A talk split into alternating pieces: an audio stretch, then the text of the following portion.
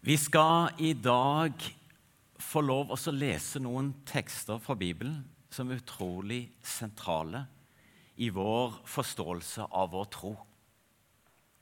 Vi er på vei mot uh, påske, mot Jesus, som går veien opp til Jerusalem, til lidelse og død. Og Jesu død, oppstandelse, er fundamentet for vår tro. Og Nå skal vi starte med å lese eh, en av tekstene. og Jeg skal dele den opp i flere eh, eh, deler. Så vi reiser oss ikke, eh, for, men vi leser eh, første verset i Galaterne 2, eh, vers 16. Men, men vi vet at et menneske ikke blir rettferdig for, for Gud pga. gjerninger som loven krever men bare ved troen på Kristus Jesus. Derfor trodde også vi på Kristus Jesus, og vi kunne erklæres rettferdig ved troen på Kristus. Ikke på grunn av lovgjerninger. For ikke noe menneske blir rettferdig for Gud på grunn av lovgjerninger. Jeg har møtt noen kristne som sier at en evighet i himmelen eller en evighet i fortapelsen ikke har noe å gjøre med hvordan vi lever. Alt avhenger av tro. Og Da har jeg møtt noen andre som responderer på denne viset. Hvis det er slik at Gud bryr seg så lite om rett og rettferdighet at en skvett tro kan avgjøre forskjellen på himmel og fortapelse, ja, da greier ikke jeg å forholde meg til en slik Gud. Så er det andre som svarer da på følgende vis. Liberale kristne vil da si ja, men det finnes ikke en fortapelse. Gud er så kjærlig, og Gud er så raus at han tar imot alle og aksepterer alle. Men da er det jammen også noen jeg har møtt, som sier Hvis Gud bryr seg så lite om rett og rettferdighet at Hitler kan slippe unna med absolutt hva som helst, ja, da greier jeg i hvert fall ikke å tro på en slik Gud. Kanskje overrasker jeg noen av dere. Men jeg har like store problemer med begge disse måtene å tale på.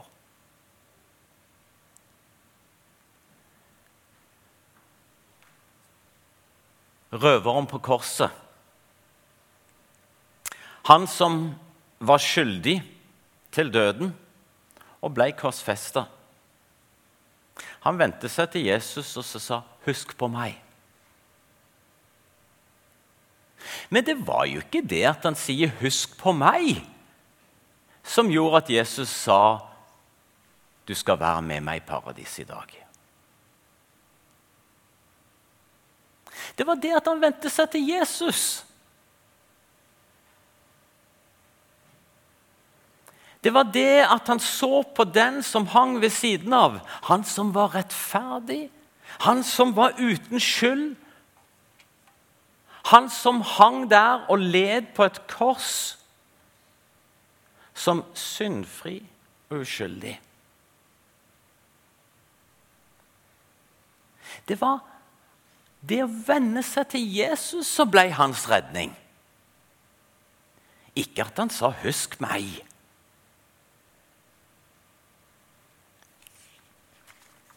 Når vi en dag skal stå for Guds domstol, så er det ingen av oss som slipper igjennom med å si ja, men se på denne teksten her fra Galaterne. Jeg har ikke gjerninger, Mine gjerninger holder ikke en plass, men jeg har tro. Jeg har tro. Nei. Din tro, den er veldig lite verdt den dagen. Hvis ikke den troen har grepet Kristus.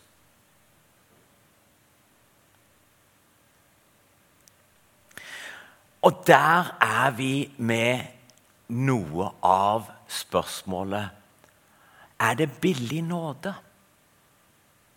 Er det billig nåde at Gud frelser mennesker ved tro på Jesus Kristus? Ja, det hadde vært en billig nåde som var helt forkastelig om vi bare kom og dro opp troen vår.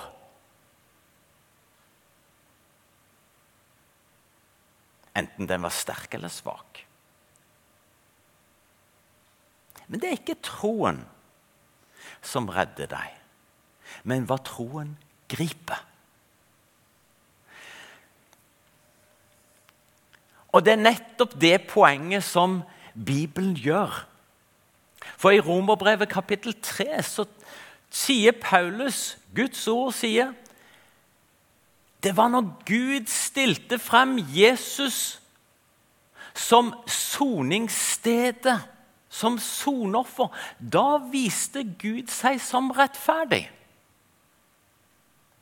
Så Gud er rettferdig, og Gud viser seg rettferdig.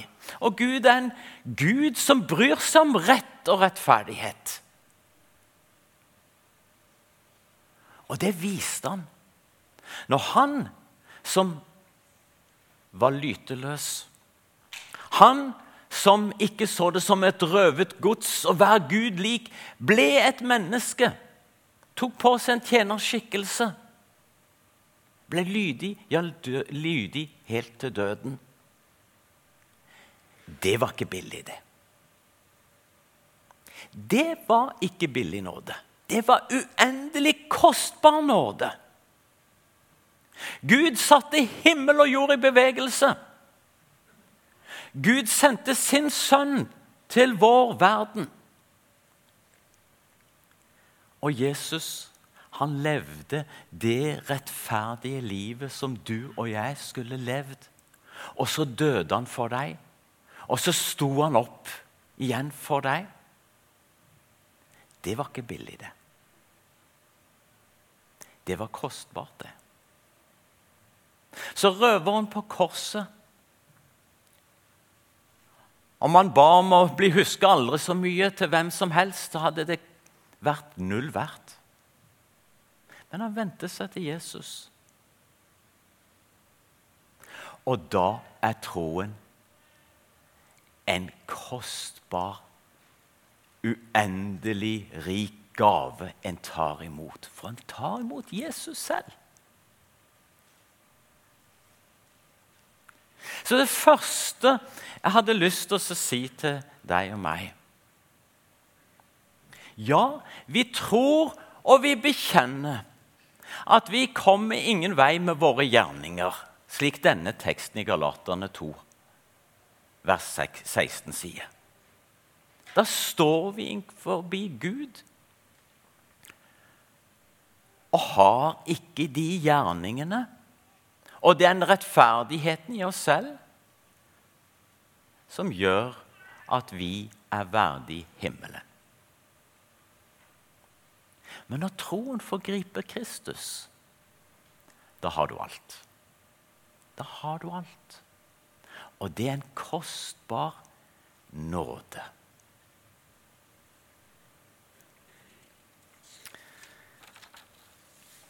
Men det er ikke alt som Bibelen sier om dette spørsmålet. Og Det kommer så tydelig til uttrykk i den teksten som vi starta å lese på i Galaterne 2. Og vi skal fortsette å lese der, fra vers 17. Men hvis også vi jøder blir stående som syndere når vi blir rettferdige i Kristus, er da ikke Kristus blitt en tjener for synden? Hvis det er slik at uh, vi blir bare erklært rettferdige ved tro Og livet betyr ingenting er ikke Kristus da blitt en tjener for synden? Og Det samme spørsmålet stiller Paulus i Romerbrevet kapittel 6, vers 1. Skal vi, da fortsette i vi da fortsette i synden for at nåden skal bli desto større sier han. Skal vi Fordi vi blir erklært rettferdige pga. Jesus, skal vi da fortsette å synde? Da vil jo nåden bli enda større. Er Kristus blitt en tjener for synden? Nei! Og Paulus sier rett ut vet du hva? Det er en fryktelig misforståelse. Det er noen som spotter det jeg lærer, sier Paulus i Romerne 3,8. At det er slik at det betyr ingenting hvordan vi lever. Nei, sier Paulus, og han begynner romerbrevet. Og han avslutter romerbrevet ved å si at det evangeliet han forkynner, det forkynner han for at han skal lede mennesker til lydighet. Troens lydighet. Hvordan kan det da være at en nåde som er så grensesprengende At du og jeg erklæres rettferdig ved tro og ikke ved våre gjerninger Hvordan kan det føre oss til lydighet? Og at det ikke blir bare et frislipp for synden. La oss lese videre i Galaterbrevet.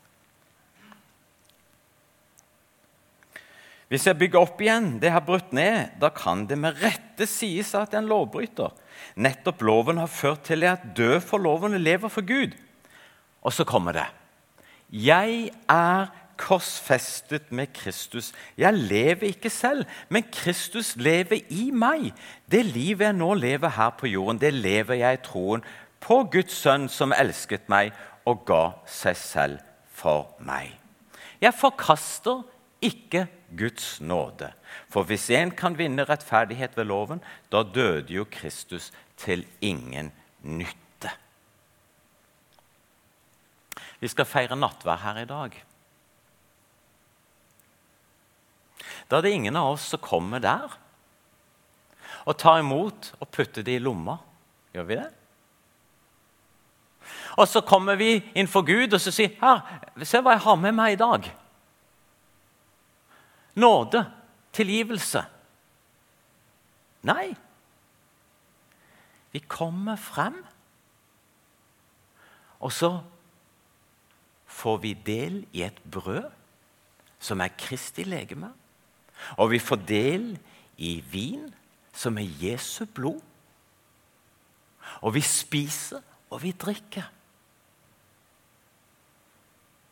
Når du får delta og komme til Jesus, ja, du får nåde. Nåde igjen og igjen så får vi komme til dette nådebordet. Og igjen og igjen så trenger jeg å få komme til Jesus på den måten. Og det er en grensesprengende erfaring av at det tar ikke slutt på Guds nåde. Og jeg får lov å hvile med hele mitt liv i det. Og Samtidig så er det slik at det ikke bare tilgivelse jeg får ta imot. Når jeg kommer og får tro Jesus, og når jeg får komme og ta imot Jesus på denne måten, her, så er det ikke bare tilgivelse vi tar imot. Det er ikke bare nåde på den måten. Vi tar jo imot Jesus selv.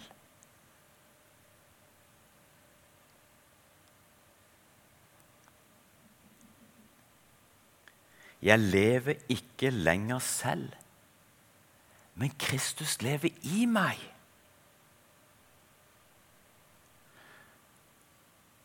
Jeg får drikke. Jeg får spise. Jesus lever i meg.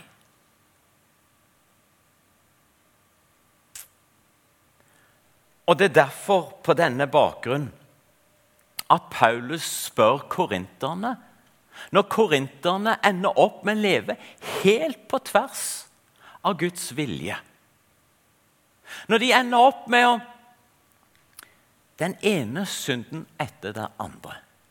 Da stiller Paulus spørsmålet til slutt i 2. Korinterbrev, kapittel 13, vers 5. Ransak dere selv om dere er i troen. Prøv dere selv, eller merker dere ikke at Jesus Kristus er i dere? Hva har gått galt med dere? Hvis Kristus lever i dere,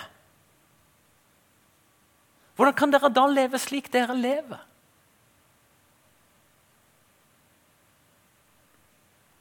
Merker dere ikke at Kristus er i dere? Er dere i troen? Troen er noe levende. Troen er levende fordi vi tar imot en levende, oppstanden Herre. Jesus ikke en daud sild du putter i lomma og trekker frem for Gud en gang til slutt. Jesus er en levende, oppstanden Herre som virker i deg og meg som har tatt imot ham ved troen. Merker dere ikke det? spør Paulus da. Og når vi tar imot nattverden, og når korinterne delte nattverden, og når det gikk så galt i Korint at noen spiste og drakk så mye at noen til og med ble fulle, mens andre i Korint satt der sultne og ikke fikk del i dette mat i det hele tatt. At det kasta skam over de som ikke hadde noen ting, sier Paulus. At det var en måte å dele nattverden på som var slik at det er ikke Herrens måltid dere spiser, sier Paulus. Da ender Paulus også opp med å si til korinterne Prøv dere selv. Ransak dere selv. Og så delta i nattverden.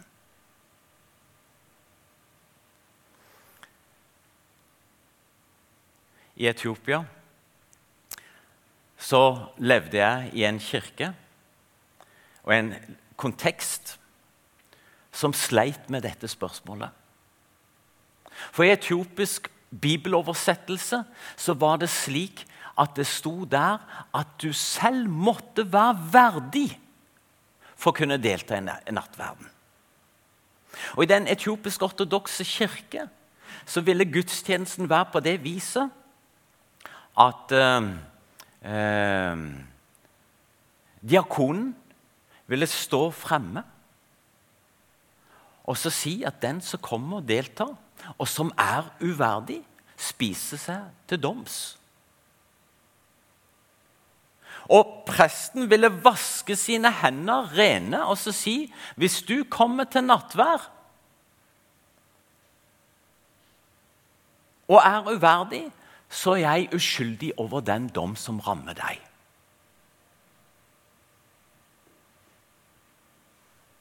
Ville du da kommet til nattvær i dag her?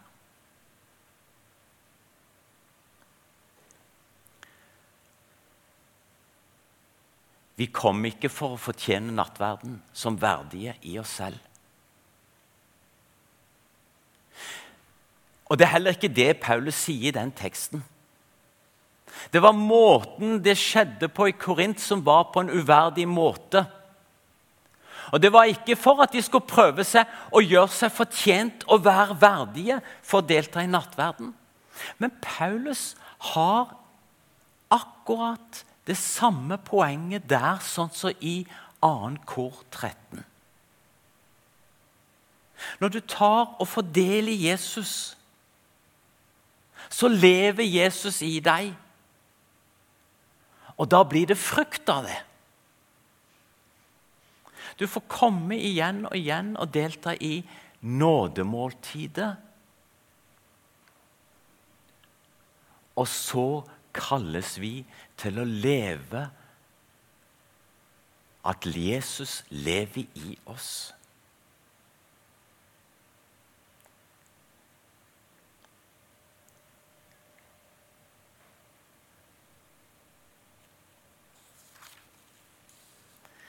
Jesus sier noe av det samme i Johannes kapittel 15.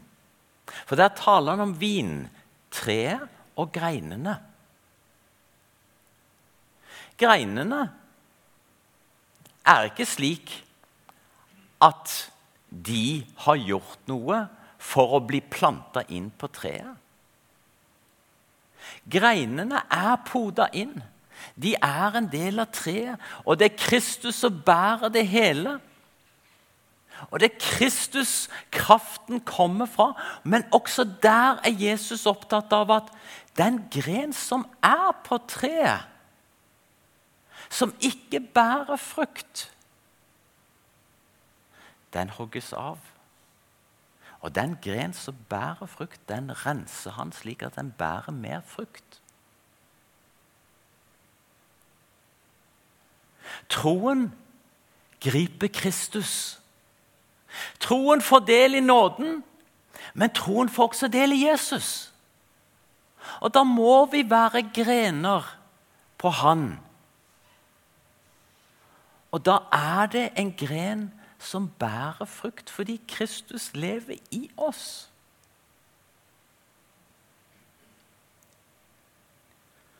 Og når vi en gang skal møte Gud Når det en gang skal være en dommens dag Så skal Gud prøve. Er du i troen? Er Kristus i deg? Har du fått tatt imot Jesus? Er det en levende tro?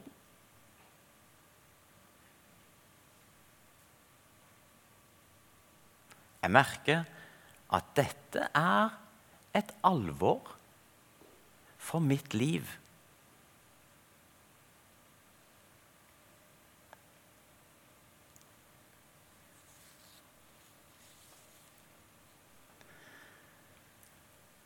Jeg har lyst til å avslutte talen med Peter og Jesus. Peter, han har svikta. Vi er i fastetiden. Vi går sammen med disiplene og Jesus opp mot Jerusalem at Jesus skal gå til kors og død. Og vi kjenner fortellingen om Peter. Han som eh, svikter Jesus, så fornekter han. Og når hanen gale, så gråter han så sårt.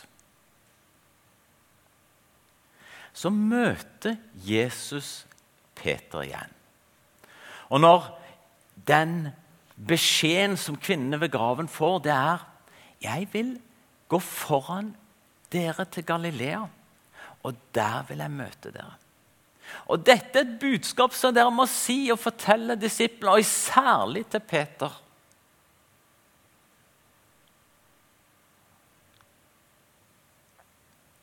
Og så møter Jesus Peter igjen ved sjøen. De er ute i båten, og Jesus er der på land. Så tenner han opp et bål.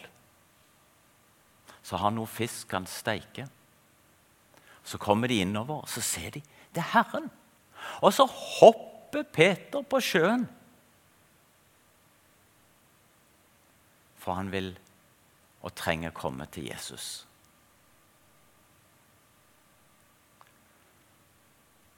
Og så taler Jesus til Peter. Og så spør han, 'Har du meg kjær?' Har du meg kjær, Peter? Har du meg kjær? Tre ganger spør Jesus.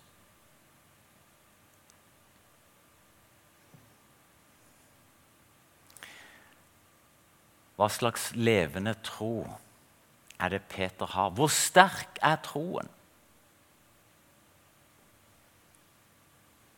Herre, du vet alt. Herre, du vet alt. Herre, du vet det. Jeg har deg kjær. Men det er bare så vidt jeg tør å ta det i min munn. Men du vet det. I svik, i nederlag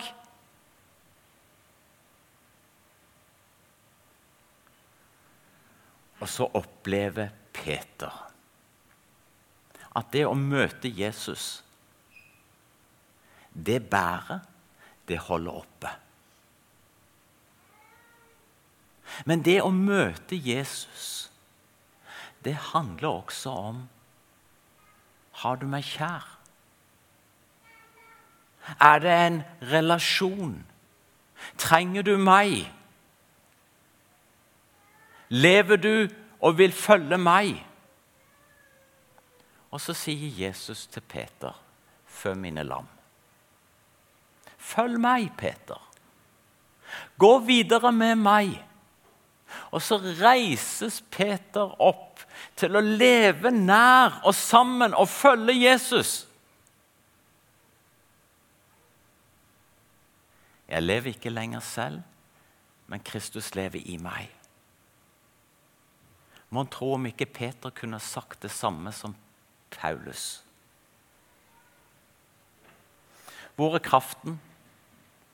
Hvor er troens liv? Hvor er kilden til det? Det er Jesus. Jeg lever ikke lenger selv, men Kristus lever i meg. For et møte med en Jesus. Der er det et livsforvandlende møte. Der er det et møte som gjør at også Peter kunne gå videre. Og erfare, som vi kalles til nå i nattverden. Til å møte den nåde som gjør at vi kan stå når vi har falt. At vi kan løfte hodet innenfor Gud når vi ser ned i skam. Som gir kraft til å stå og til å gå og til å tjene. At Kristus kan leve i oss. Så kom til nattvær. Spis, drikk. La Jesus styrke deg på den vandring som han kaller deg til. Et liv i etterfølgelse.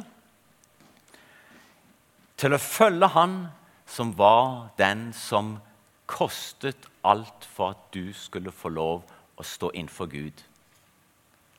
Å kunne leve med en trygghet og en forvissning og et håp om at Jesus, han holder. Amen.